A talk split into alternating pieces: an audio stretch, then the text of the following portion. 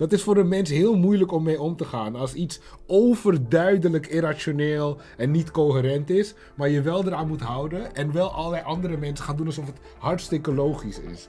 Het de karakter van ons land voor altijd zal veranderen, deze coronacrisis. Ik moest daar laatst over denken, want ik weet nog toen dat ik jong was, groeide op, Nederland vrij, vrij land, tolerant land. Ja, mijn kind is nu nog een baby, maar ik denk niet dat hij die vibe gaat krijgen van niet. Nederland als hij opgroeit. Als er ooit een kans was voor een libertarische partij, of een partij die in ieder geval een principieel standpunt heeft als het gaat om individuele vrijheid, dit zal echt het moment moeten. Er gaat geen beter moment zijn. Dus als je kijkt naar alle hoogtepunten die we hadden na de middeleeuwen, of dat Venetië was, of Amsterdam, of Londen, waren dat altijd plekken waar het individu de ruimte had om zelf zijn geluk te kunnen nastreven.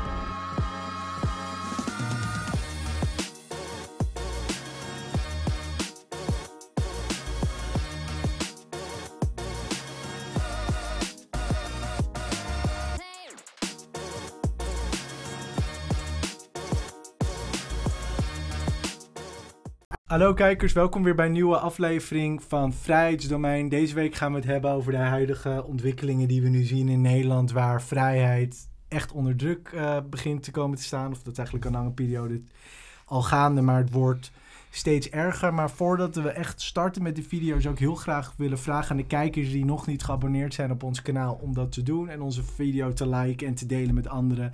In het geval dat je denkt dat deze content waarde heeft. Maar laten we beginnen bij het begin. Wat was jouw gevoel toen je, toen je vorige week hoorde dat het 2G-beleid een, echt een idee is wat het kabinet heeft om in te voeren? Ja, ik, eh, ik, ik vond het zo dom eigenlijk. Ik had niet verwacht dat het echt zou gebeuren. Als in, ik dacht dat het weer typisch zoiets is dat ze zeggen van tevoren, om dan vervolgens af te zwakken. Want dat is een vaak gebruikte tech- techniek of tactiek van, deze, van dit kabinet. Dat ze heel vaak hele erge plannen voorspiegelen en dan kiezen ze eigenlijk uit de reacties waar ze mee weg kunnen komen. En gezien de reacties op 2G zo heftig waren, had ik verwacht dat dit zeg maar zou vallen in een soort van coalitie, snap je? Dat het zou worden van, oké, we gaan geen 2G doen, maar wel een lockdown. Of iets in die richting.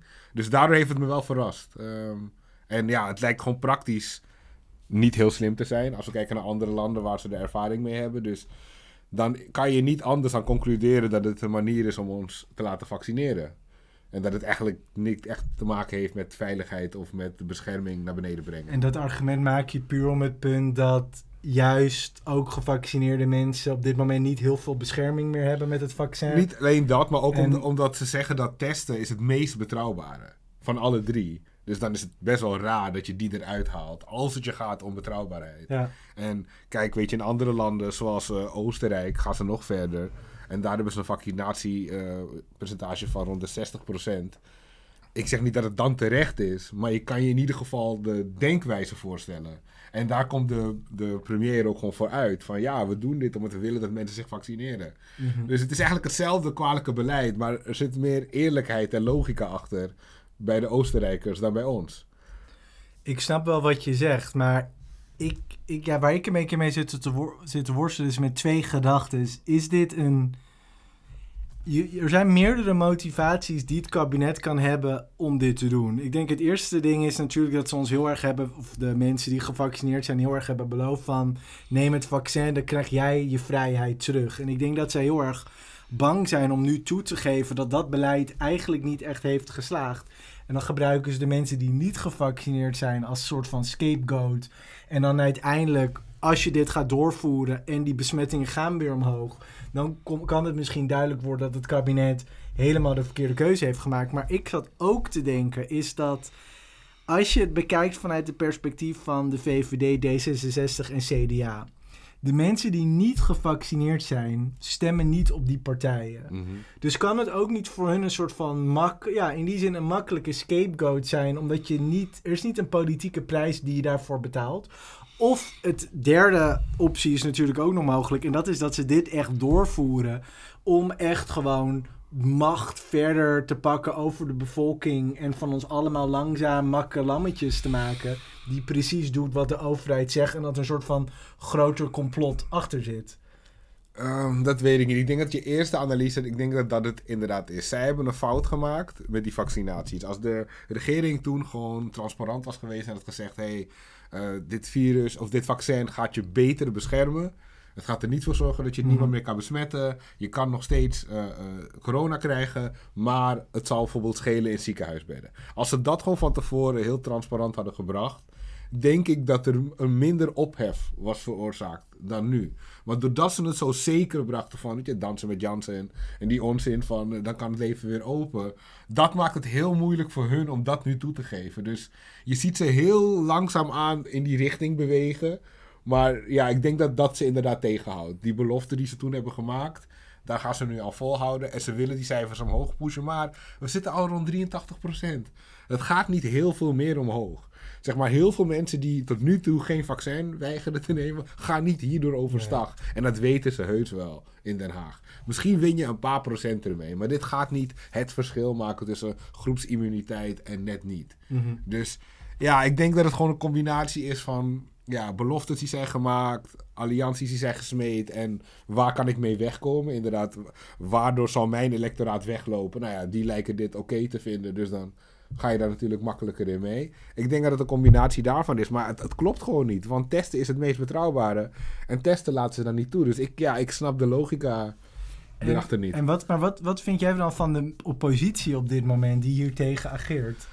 Um, ik ben het natuurlijk eens met die oppositie. Alleen wat ik een beetje jammer vind, is dat ze vaak de essentie een beetje lijken te missen. Weet je, heel vaak wordt er geklaagd over polarisatie en over tweedeling. En ik vind dat gewoon niet de beste argumenten om in te brengen tegen iets. Want heel veel dingen kunnen voor polarisatie of tweedeling zorgen. Maar dat maakt niet dat ik tegen die dingen zou zijn. Mhm. Ik bedoel, als je nu inkomensbelasting omlaag zou brengen, het zou voor polarisatie kunnen zorgen. Maar dat maakt me niet uit. Ja. Ik ben er voor. Dus ik vind dat altijd een beetje een emotioneel argument. Heel erg appelleren op uh, wij als volk, weet je, dat soort gepraat. Maar dat komt bij mij niet zo binnen. Mhm. Ik heb liever ja, een theorie of een repliek die echt op vrijheid duidt en van daaruit verder bouwt. En als we dat meenemen, dan vind ik ook dat winkels mogen discrimineren. Het probleem is alleen dat de overheid het zo oplegt. Ja. Dat is het echte probleem. Winkels mogen discrimineren En- van mij. en- Met alle risico's die ze daarmee nemen van dien. Hè? Mhm. En alle voordelen die ze daarmee behalen. Dat is allemaal voor hun. Dat is je eigen risico. Maar ik vind dat winkels wel mogen discrimineren. Maar ben jij niet verrast dat Nederland zo ver is afgegleden dat een groot deel van het electoraat hiermee eens is? Want dit had je toch niet. Ik denk echt dat het de karakter van ons land voor altijd zal veranderen, deze coronacrisis. Ik moest daar laatst over denken, want ik weet nog toen dat ik jong was, groeide je op, Nederland vrij, vrij land, tolerant land. Ja, mijn kind is nu nog een baby, maar ik denk niet dat hij die vibe gaat krijgen van niet. Nederland als hij opgroeit. Dat het zo, ja, dat het, ja, dat het echt Nee, wat, jij, wat je zei van we zijn fundamenteel veranderd hierdoor. Ik zat deze week inderdaad te denken: kan dit een kantelpunt zijn? Kan deze coronacrisis ervoor zorgen dat misschien niet binnen nu en 10 jaar, maar misschien binnen nu en 50 jaar er wel een vrijheidsbeweging kan opstaan? Bijvoorbeeld, ik zat te denken: heel veel meer mensen zijn nu van de overheid afgekeerd dan hiervoor. Als je hiervoor tegen sommige mensen zei: de overheid heeft niet het beste met je voor, hadden ze je misschien heel raar aangekeken. Wat voor wappie ben jij nou? Waar heb je het over? Maar doet toch gewoon zijn best. Heel veel van dat soort mensen, die misschien een beetje apolitiek waren of niet helemaal geïnvesteerd in het Mhm. proces, die zijn nu opeens heel erg fanatiek geworden. Dat kan natuurlijk de verkeerde kant uitslaan, maar als we erin zouden slagen om als het ware dat wantrouwen tegenover de staat te kanaliseren in een beweging of meerdere bewegingen, dan zou dit misschien wel een, een, een, een geschenk kunnen zijn voor de vrijheidsbeweging. Ja, ik zie zelf die signalen niet echt. Want als je kijkt dat de argumenten die de oppositie inderdaad gebruikt... van oh, discriminatie is niet goed, het creëert tegenstelling in de samenleving. Je hebt niet een soort van pro-individualistisch perspectief die er wordt gegeven. Denk je dat dit misschien juist het moment is om het eerste stukje van een interview van Ayn Rand erin te gooien? Dus nou, dit is een bijzonder beroemd interview ooit met Ayn Rand... die geïnterviewd werd door Mike Wallace... En daar gaat zij in op een vraag over wat zij vindt van de huidige politieke trends in het Westen. En volgens mij is het interview uit die jaren... De context is dat dit interview komt uit 1957. Oké. Eh, eh, dit was ook het jaar dat Atlas Shrugged uitkwam. En dit was volgens mij, als ik het goed heb, haar eerste publieke tv-interview in Amerika. Oké, laten we er maar gaan kijken hoe zij al zag dat de westerse wereld omlaag zou gaan. Country in the past 20 years particularly, I think most people agree, is the gradual growth of social protective legislation based on the principle that we are our brother's keepers. How do you feel about the political trends of the United States, the Uh, Western world? the way everybody feels except more consciously. I feel that it is terrible, that you see destruction all around you, and that you are moving toward disaster until and unless all those welfare state conceptions have been reversed and rejected. It is precisely these trends which are bringing the world to disaster, because we are now moving towards complete collectivism or socialism uh, a system under which everybody is enslaved to everybody. And we are moving that way only because of our altruist morality. Ah, yes, but Dus wat je hier heel duidelijk kan zien is dat zij het al zag dat de trends in de samenleving was dat je de collectivistische idee had van hey, de burger, de individu moet een steeds grotere rol spelen en hij moet een soort van de samenleving dienen. En dan heb je uiteindelijk het gevolg dat elk persoon een slaaf is weer van een ander persoon. En ik denk dat ze heel duidelijk zo uitlegt wat er mis is of wat de trends waren van de wereld. Ja, zij zag heel duidelijk wat er zal gebeuren. En ja, dat blijkt nu weer dat als het om zoiets gaat als medische vrijheid, dat dat Mhm. nu ook al iets is waar we over gaan stemmen. Eerst was het begonnen met geld. Toen ging het over wat is kunst. En het gaat steeds, steeds meer gebieden gaat de overheid dicteren. En ja, dat. En mensen vinden het oké. Dat is ook iets wat ik echt soms heel irritant vind. Is dat we hebben nu een soort van gevo- gevoel van... oh, er is een heel groot complot aan de gang... door de media, door de politiek... die onze vrijheden langzaam afpakt. En fair enough, er is een argument voor te maken dat dat gebeurt. Maar diezelfde mensen moeten mij ook uitleggen... waarom er heel veel staten zijn in de VS... waar ze al meer dan een jaar gestopt zijn... met alle corona-lockdown-beleid. Daar hebben ze ook CNN, ook MSNBC. Maar daar zit er wel een bepaalde sense of life, hoe Ayn Rand het zou noemen, over hoe mensen kijken naar de overheid. Want jij hebt ook zo'n koelkastmagneet ook op je koelkast van Don't Tread on Me. En Ja. ik denk dat is een heel Amerikaans principe in die zin, is van dat de overheid of elk ander persoon in die zin je soort van met rust moet laten. En die, dat gevoel hebben wij gewoon heel weinig in Europa en ook in Nederland. En dat maakt het denk ik mogelijk dat de overheid kan zeggen van... oh, we hebben een heel soort van collectief doel... en dat is het IC zo leeg mogelijk maken. En dan kunnen we een soort van overheidsbureaucratie hebben... die precies voor jou gaat dicteren hoe jij moet leven... waar je naartoe kan gaan... En de mensen zijn er gewoon oké mee. Waarom? Dat is dus wat Ayn Rand zegt. Door die collectivistische, altruïstische doctrine. Waar jij als mens niet telt, niet voor jezelf hoeft na te denken. En gewoon als een makkelammetje de mensen moet volgen die jij hoort praten bij op één. Je bent inwisselbaar. En ik denk dat het verschil met Amerika komt omdat, ja, ze hebben daar een bloedig gevecht moeten hebben om onafhankelijk te worden van de Britten. Dat zit er ook in. Ik bedoel, het is inmiddels meer dan 250 jaar geleden. Maar alsnog zijn ze erin geslaagd om eh, dat idee nog steeds over te dragen. Van onafhankelijkheid, we hebben ervoor moeten vechten, daarom zijn we nu bewapend. De Britten waren vroeger de overheersers. Natuurlijk hebben ze nog een burgeroorlog gehad daaroverheen om het Mhm. land op een manier te verenigen. En om het land te herinneren aan het feit dat staten ook heel gevaarlijk kunnen Mhm. zijn. Dus het zit daar gewoon veel meer in hun publieke bewustzijn dat In overheden... sommige staten gevaarlijk in de kunnen zijn.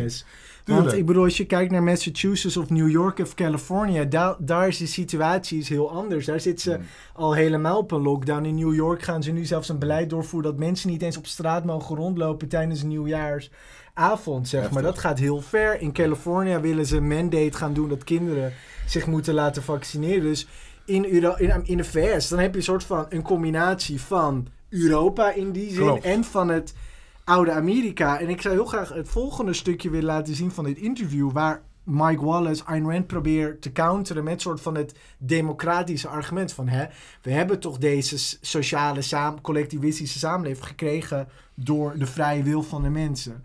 Dus luister hier maar naar wat Ayn Rand daarover te zeggen heeft.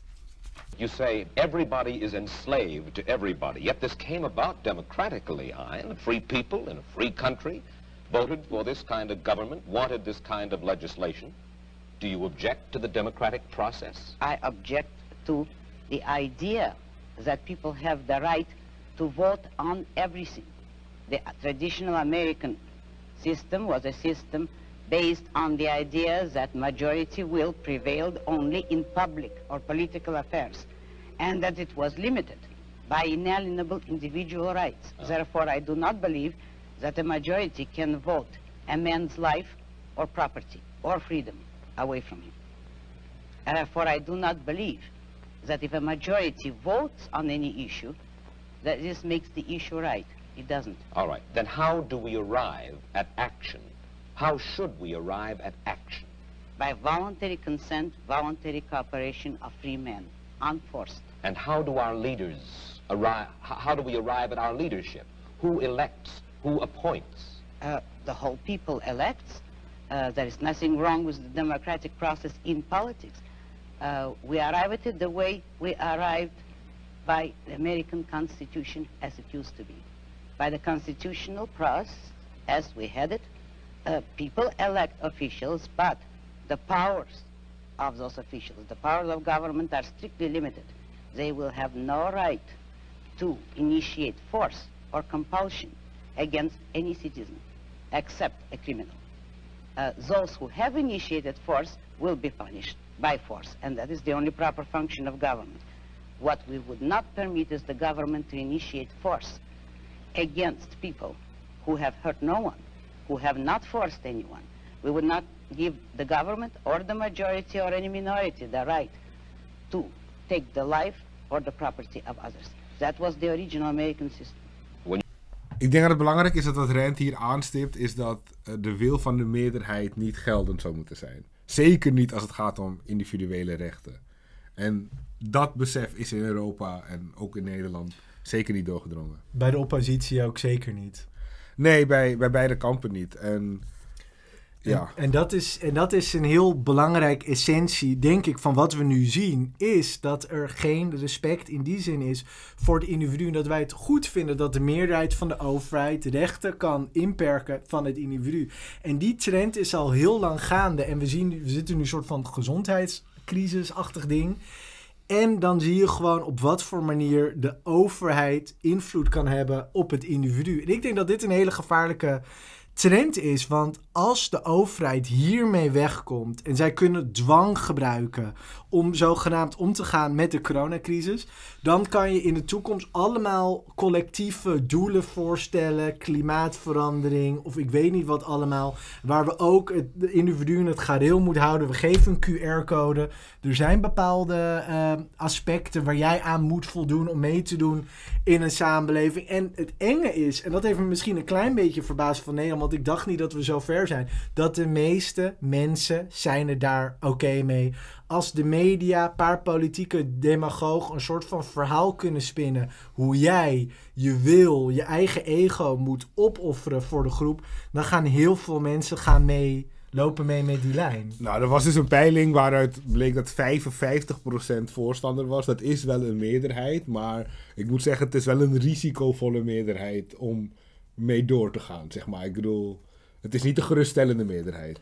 Het is niet 70, 75, 80 procent. Dus dat geeft misschien enige hoop dat het wel begint te groeien, het verzet. Maar we zijn nog niet op het kritieke punt dat we inderdaad over die 50% heen zijn. Oké, maar laat ik dan zo zeggen, stel nou we komen in de situatie in de ziekenhuizen liggen helemaal vol.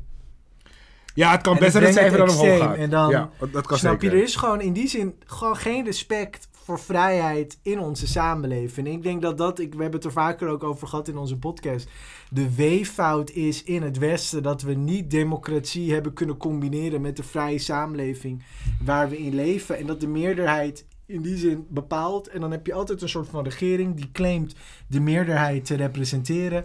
En die kunnen gewoon langzaam, stapje voor stapje, onze vrijheden afnemen. Dat het nu zelfs zo gaat dat ik, stel ik heb een café en ik wil de keuze maken om zelf ongevaccineerde mensen in mijn café binnen te laten, dan kunnen we dat dan niet doen, want dat vindt de staat niet goed. En dat is ook echt iets wat ik denk wat zo'n negatief bijeffect is van deze hele coronacrisis, is dat het ons dwingt om irrationeel te zijn. Ik was laatst hier om de hoek uh, bij de bibliotheek even een krantje lezen en in de bibliotheek zelf, als je dus zit aan tafel daar, dan hoef je geen mondkapje te dragen. Dus nou ja, ik moest naar de toilet. Ik loop naar de toilet. Komt zo een mevrouw heel boos naar me toe. Kan je je mondkapje dragen? Terwijl als je om je heen kijkt, zitten er allemaal mensen aan tafel zonder mondkapje. En dat is zeg maar die irrationaliteit die je gewoon krijgt met dit soort dingen. Waar de staat van de tap allemaal van die regeltjes erin pusht die uiteindelijk in de praktijk helemaal niet zo rationeel zijn. Terwijl we ook zouden kunnen zeggen van hé, hey, waarom doen we het niet decentraal? En laat mensen zelf de keuzes maken die zij denken die belangrijk, die handig zijn voor hun leven. Ja, maar zoals duidelijk is, de huidige partijen, uh, laatst kwam, uh, had, had uh, hoe heet ze, Kaag nog een speciale speech over D66, waar ze ook eigenlijk de nieuwe koers van D66 inzetten, die inderdaad ging om niet vatbaar zijn voor de waan van de dag. Zo verwoorden ze het op een manier. Maar ze bedoelden er eigenlijk mee. Maakt niet uit wat de mensen ervan vinden. Wij weten het beter dan de mensen. Ja. Wij moeten het gewoon aan hun uitleggen en actie ondernemen om dingen concreet voor hun te realiseren. Maar echt heel duidelijk vanuit de optiek: wij weten het beter dan de mensen. Dus laat je niet leiden door wat mensen willen. Maar denk gewoon puur aan wat de partij wil. En ja, dat is waar we nu naartoe gaan. Zij weten het beter. Ja. Denk ook aan Klaas Dijkhoff een paar jaar geleden tegenover Thierry Baudet. Toen niet over referendum ging. En hij zei: Nederlanders die willen graag Netflixen. En Ja. nu moeten ze zich met allerlei referenda gaan bezighouden. Dat is veel te hoog gegrepen voor ze. Mhm. Daar kwam het eigenlijk op neer. Dus ja, die arrogantie en dat dédain zit er ook achter. Wij weten het beter dan het, dan het lompe volk. En wij gaan dat gewoon even dicteren. En, en het lompenvolk denkt ook daadwerkelijk dat dat zo is. Maar dat krijg je dus denk ik ook door hoe ons onderwijs is ingesteld. Dat we niet worden geleerd hoe je daadwerkelijk voor jezelf kan nadenken. Want dat was ook ooit een voorbeeld wat een filosoof gaf. Van als jij naar de supermarkt wilt gaan, dan heb je geen navigatie nodig. Omdat je weet waar je naartoe gaat. Maar als jij een overheid hebt die continu jou vertelt hoe je moet gaan en wat je allemaal moet doen, dan raak je langzaam je onafhankelijkheid kwijt. En dan kan je niet meer nadenken voor jezelf. Ik wil- ik denk dat dat de grootste crisis is. Want wat ook een andere observatie die ik dus heb met de oppositie is dat door het feit dat mensen niet zien dat de echte filosofische clash is, en daarom zijn we ook aanhangers van Ayn Rand, daarom maken we ook deze show, is dat je altijd een clash hebt gehad tussen Aristoteles en tussen Plato. En Aristoteles in die zin gelooft dat het individu controle moet hebben over zijn eigen leven en zijn eigen geluk moet kunnen nastreven. En Plato aan de andere kant, die gelooft in een philosopher king, hoe ze het zo noemen. En dat zijn de mensen on top, die hebben alle wijsheden en die moeten de samenleving dicteren. En bijvoorbeeld de Ayatollah Khomeini in Iran, die was bijvoorbeeld zwaar beïnvloed door Plato en. Immanuel Kant. En die gebruikt dat ook tijdens de Iraanse revolutie om een soort van islamitische theocratie te creëren, zeg maar. Dat is de battle die we altijd hebben in de geschiedenis van de mensheid. Dus als je kijkt naar alle hoogtepunten die we hadden na de middeleeuwen, of dat Venetië was, of Amsterdam, of Londen, waren dat altijd plekken waar het individu de ruimte had om zelf zijn geluk te kunnen nastreven. Maar eigenlijk waren de krachten van Plato altijd krachtiger. Het idee van je hebt die koning, je hebt de sultan, je hebt het OMT. Iemand die jou zegt hoe je moet leven. En ik denk dat het punt wat ik wilde maken is dat wat je dus nu heel erg ziet bij de oppositie, is dat zij kunnen die premissen van Plato, kunnen zij niet Weerleggen. kunnen ze niet weerleggen. En door het feit dat ze het niet kunnen weerleggen, dan moeten we allemaal verhaaltjes gaan verzinnen. Dat, de, dat er geen coronacrisis is. Nou, geloof me, ik ken heel veel mensen die in ziekenhuizen werken. Er is wel degelijk, is er op dit moment wel een gezondheidscrisis. Misschien wordt het overdreven. Ik sluit dat allemaal niet uit. Maar om te doen van, oh, corona Ja, ja. is maar een stomme griep. Of, oh, dat zijn allemaal van die rationalisaties om niet te komen tot de kern. En dat is het individualisme.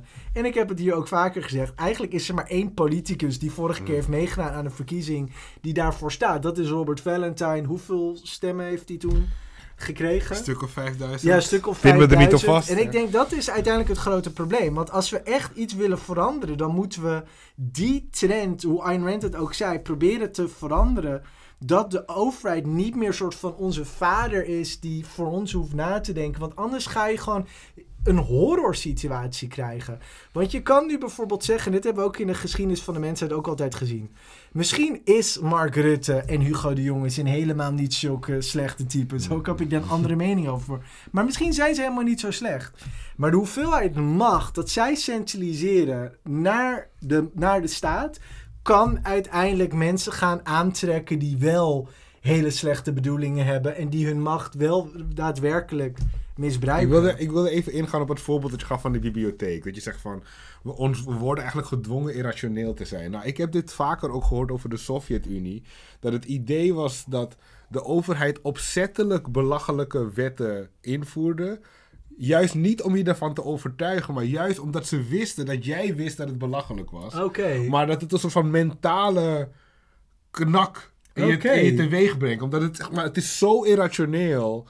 Maar je weet dat je het moet doen. En dat, dat, dat zorgt gewoon mentaal voor een hele lijpe situatie in je hoofd, zeg maar. Gewoon, dat is voor een mens heel moeilijk om mee om te gaan. Als iets overduidelijk irrationeel en niet coherent is, maar je wel eraan moet houden. En wel allerlei andere mensen gaan doen alsof het hartstikke logisch is.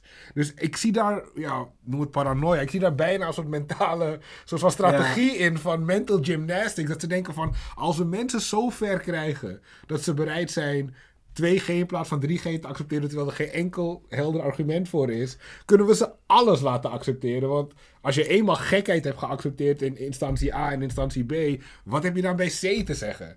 Als je bereid was dat te doen voor het hogere doel, doe dan het derde irrationele ding voor het Ja. hogere doel. Dus daar zie ik vooral, vooral een gevaar in. En ik had het over dat kantelpunt. Dat kwam een beetje de theorie van. ehm, de theorie dat elk land heeft als het ware een bepaald pad dat ze bewandelt in de geschiedenis.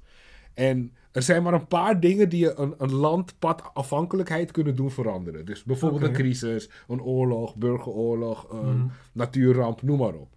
En dat eigenlijk als die dingen er niet zijn, de, de lijn niet enorm gaat veranderen. Dus een onvrij land gaat niet opeens heel vrij worden of opeens veel minder vrij als er niet zoiets Er gebeurt. is altijd een crisis Er moet altijd iets gebeuren om het zeg maar te unlocken, om, om dat land te doen veranderen van koers. Great reset. Nou ja, ik denk dan, als er iets nodig was om dit land vrijer te maken, zou het kunnen komen in de vorm van een oppressieve overheid?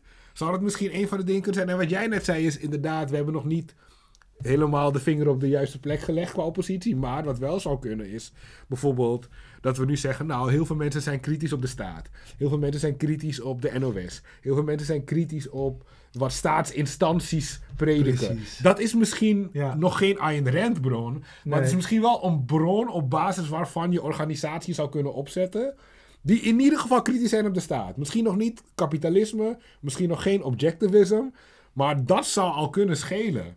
Als we mensen al gewoon een 20, 30 procent van de samenleving opeens heel veel kritischer is op de NOS. Ik probeer een silver lining te vinden in wat er gebeurt, Ja. zeg maar.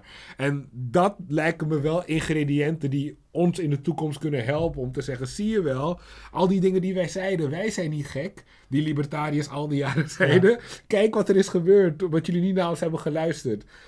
Dat hoop ik dan als, als positieve. Zeg maar, elk nadeel heeft zijn voordeel Mhm. op zijn kruis, zeg maar. Dat hoop ik dan dat we eruit kunnen halen. In ieder geval dat kritische op de staat. Ja. Dat kritische op een minister die alles kritische beslist. op de staat kan ook naar een hele andere vervelende Zeker, wending hebben. zeker. dat was wat ik laatst eens las over een boek wat ging over Weimar Duitsland. Mm. Dat toen dat je die hele hyperinflatie kreeg en hoe die hele economie was, uiteen was gestort na de Eerste Wereldoorlog.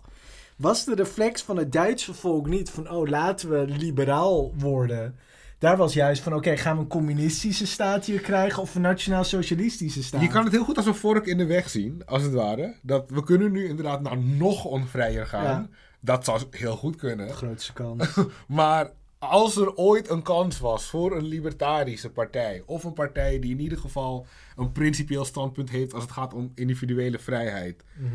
dit zou echt het moment moeten. Er gaat geen beter moment zijn dan dit moment. Mhm. Er is geen beter voorbeeld van de overheid die zijn boekje te buiten gaat. De overheid die irrationele dingen beslist. Die niet kan plannen. Die de meest basale dingen niet kan. Zoals anticiperen op IC-capaciteit. Gewoon, ze hebben bijna alles fout gedaan. Ja. Dus ja, als dit niet de kans is, dan denk ik dat we echt verloren zijn. Zeg maar, als we deze missen. Als niet-libertariërs hieruit komen als haha, jullie hadden altijd al gelijk, zeg maar. We hebben jullie al die tijd belachelijk gemaakt met Ron Paul, noemden we een wappie en zo. Ja. Toen hij zei van de overheid push ver met zijn drugsbeleid en zo. Hopelijk kunnen wij nu dit, zeg maar, culturele moment pakken. Om eigenlijk ons ja, gelijk te vieren. Maar in ieder geval hopen we daar iets mee te doen in de toekomst. Nee, ik moet eerlijk met je zeggen, ik vind dat je een eh, goede observatie maakt hierover. Dat het inderdaad kan zorgen voor een kantelpunt. En laten we hopen dat er positieve dingen uit zullen komen. Maar ik denk toch wel dat het eerst veel slechter moet gaan. Want het leven wat we hebben op dit moment is ook gewoon nog te goed. En eh, ik kan me ook echt voorstellen voor heel veel mensen, en dat is wel het lastige, is dat als je mensen een soort van ontwikkeling willen maken in mindset, daar zit ook heel veel tijd in. Ja. Dan moet je veel con- eh, content consumeren op YouTube, boeken lezen of ik weet niet wat allemaal. En heel veel mensen in Nederland zijn gewoon druk bezig met hun eigen leven, hun kinderen te voeden en al dat soort zaken. Dat ik toch denk dat de zaken wel slechter kunnen worden. Maar ik wil wel zeggen dat iets wat me wel hoop heeft gegeven is een ontwikkeling die er is- geweest in Marokko. Want Marokko ging ook echt full-blown autoritair met de koning dat... Ik sprak bijvoorbeeld een neef van mij een paar weken geleden. En die vertelde me gewoon dat het zo erg was geworden in Marokko dat hij kon zijn telefoonrekening niet meer betalen. Want daar had je eigenlijk ook een soort van twee... Nee, eigenlijk een gevaccineerd of, of je hebt gewoon pech. Want anders kon je niet in restaurants, niet naar een telecomwinkel om je eh, telecomrekening te betalen. En mijn neef wilde zich ook niet laten vaccineren. Maar in Marokko, en dat is misschien ook een handige feature die de Marokkaanse gemeenschap heeft in het algemeen, kunnen gewoon heel erg koppig zijn.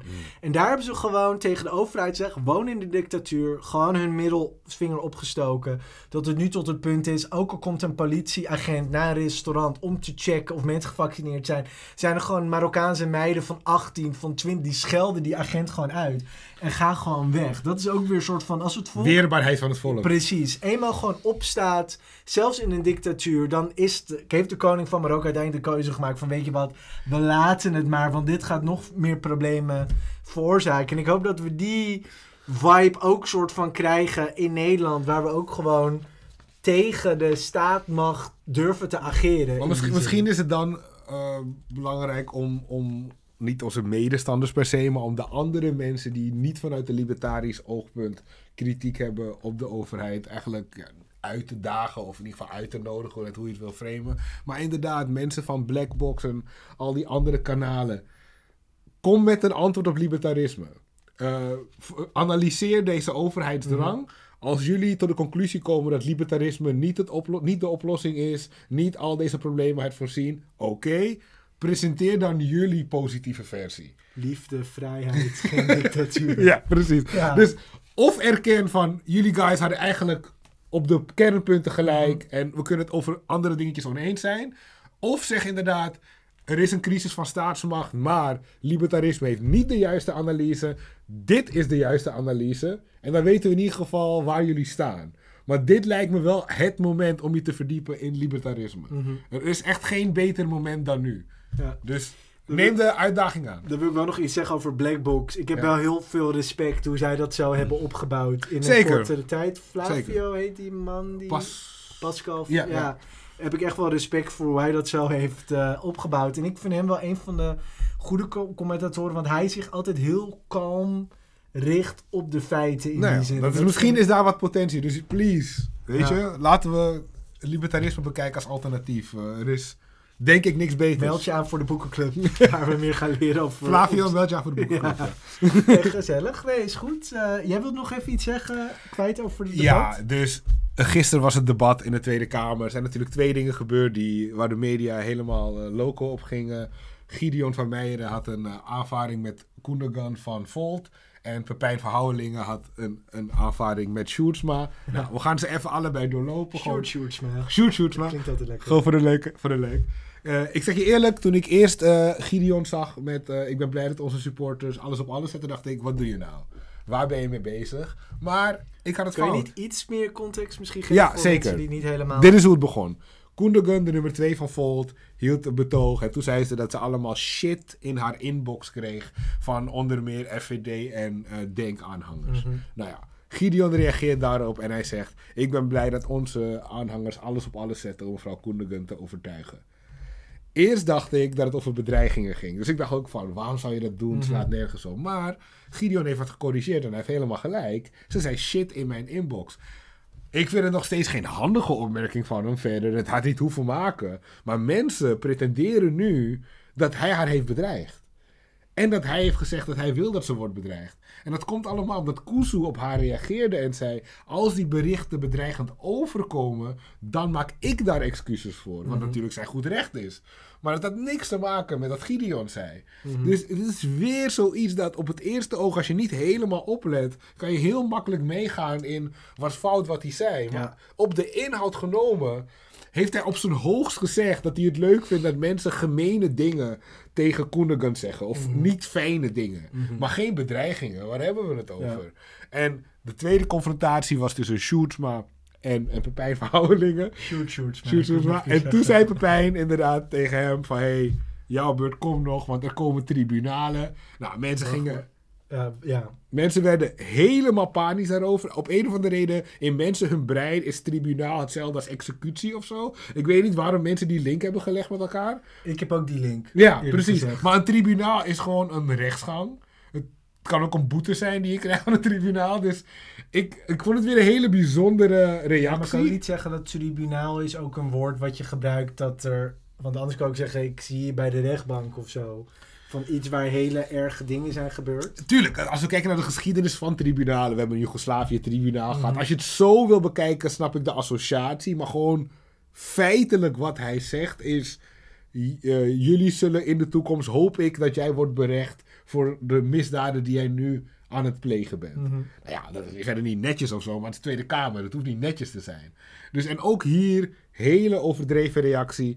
Again, het enige wat Nee, ik er niet van... de reactie helemaal niet Nee? zo overdreven. Nee, ik vind dat dat gewoon echt een stukje te ver gaat. En ik ben persoonlijk heel teleurgesteld in de FVD al een lange periode. Want ik denk juist dat deze situatie zou voor hun ook een kans zijn om een hele krachtige oppositiepartij te, te zetten. Maar ook gisteren, ik heb het debat ook gekeken met Thierry Baudet. Dan gaat het over de Tweede Wereldoorlog. Dat is het- waar hij het dan naartoe brengt. Denk ik van je kan zoveel punten maken tegen die 2G. Waarom moeten we het brengen, de vergelijking maken met de Tweede Wereldoorlog? Is er iemand in Nederland die die daarmee overtuigt? Oké, ik, Ik snap, die, Ik- ik, snap de dubbelstandaard, hoe het van de ene kant wel wordt gebruikt, maar wat wilt hij ermee bereiken? Plus, ik vind het ook echt een hele stomme vergelijking. Ik vind echt het kwaad wat er is aangericht tegen de Joden is op geen enkele manier vergelijkbaar met de uitsluiting van gevaccineerden in onze samenleving. Er zat een hele andere premisse daarachter. Weet je, weet je wat, zo, weet je wat zo interessant is hieraan? Dat de reden dat we aan de Tweede Wereldoorlog refereren... is omdat we niet in dezelfde situatie willen terechtkomen. Mhm. Maar op het moment dat je iets vergelijkt met de Tweede Wereldoorlog... is het weerwoord... maar het is nu niet zoals in de Tweede Wereldoorlog. Ja, dat is het hele punt. Want dit is het lastige, hè. Stel je voor als er morgen tien ongevaccineerden... door de politie worden neergeknald Mhm. op straat. En iemand vraagt aan jou, stelt jou dan de feitelijke vraag. Zijn, zijn de ongevaccineerden nu de Joden van 1940? Dan ga je zeggen nee, want er zijn acht mensen neergeschoten. Er zijn geen 6 miljoen gevaccineerden afgemaakt in, in, in, Nee, in, in gaskamers. nee. Ja. Als in, het punt waarop jij gaat zeggen het is feitelijk hetzelfde, is het punt dat we daadwerkelijk weer in de oorlog zouden zitten. Dat is zo lastig. Zij vergelijken het met Joden in de jaren 30. En ik had laatst een boek gelezen over mijn meest favoriete econoom.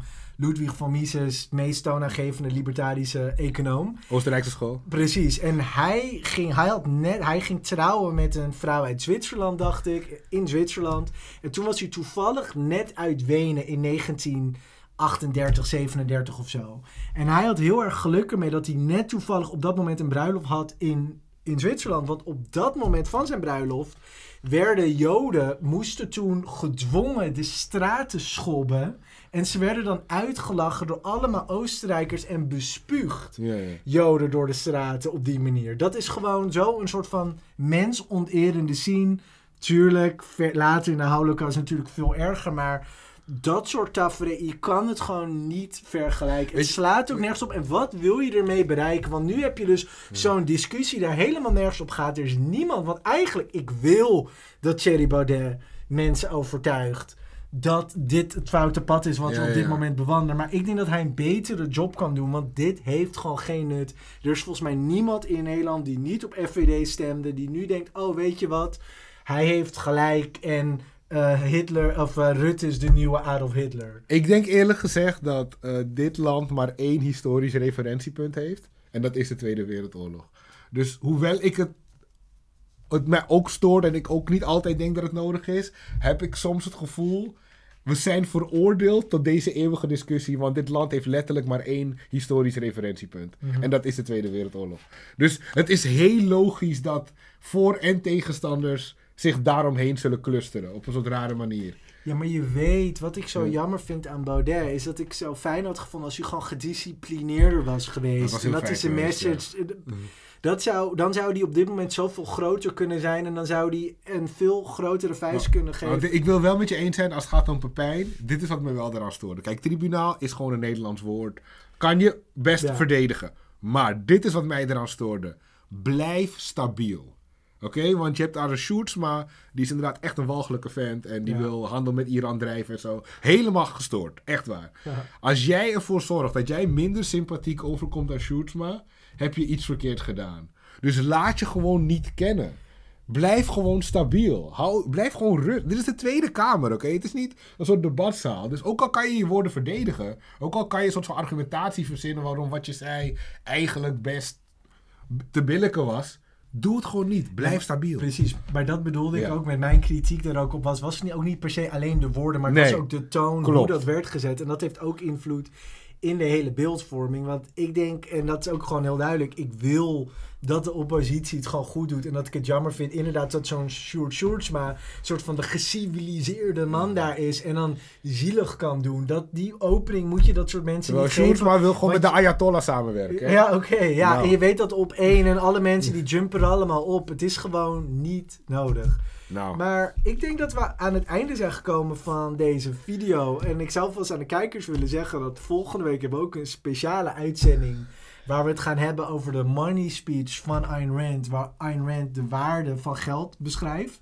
En wat je gaat zien, en dan hoop ik dat jullie willen kijken, is dat in die speech voorspeld zal in de jaren 50 de ineenstorting van het monetaire systeem wat we op dit moment zien. En het geeft ook hele belangrijke levenslessen. Dus ik hoop dat jullie volgende week wel een van de beste kijken. speeches die ik ooit heb gelezen. Ja, Dus, nou is eh, goed. Nou, dankjewel voor het kijken en eh, tot, tot volgende week.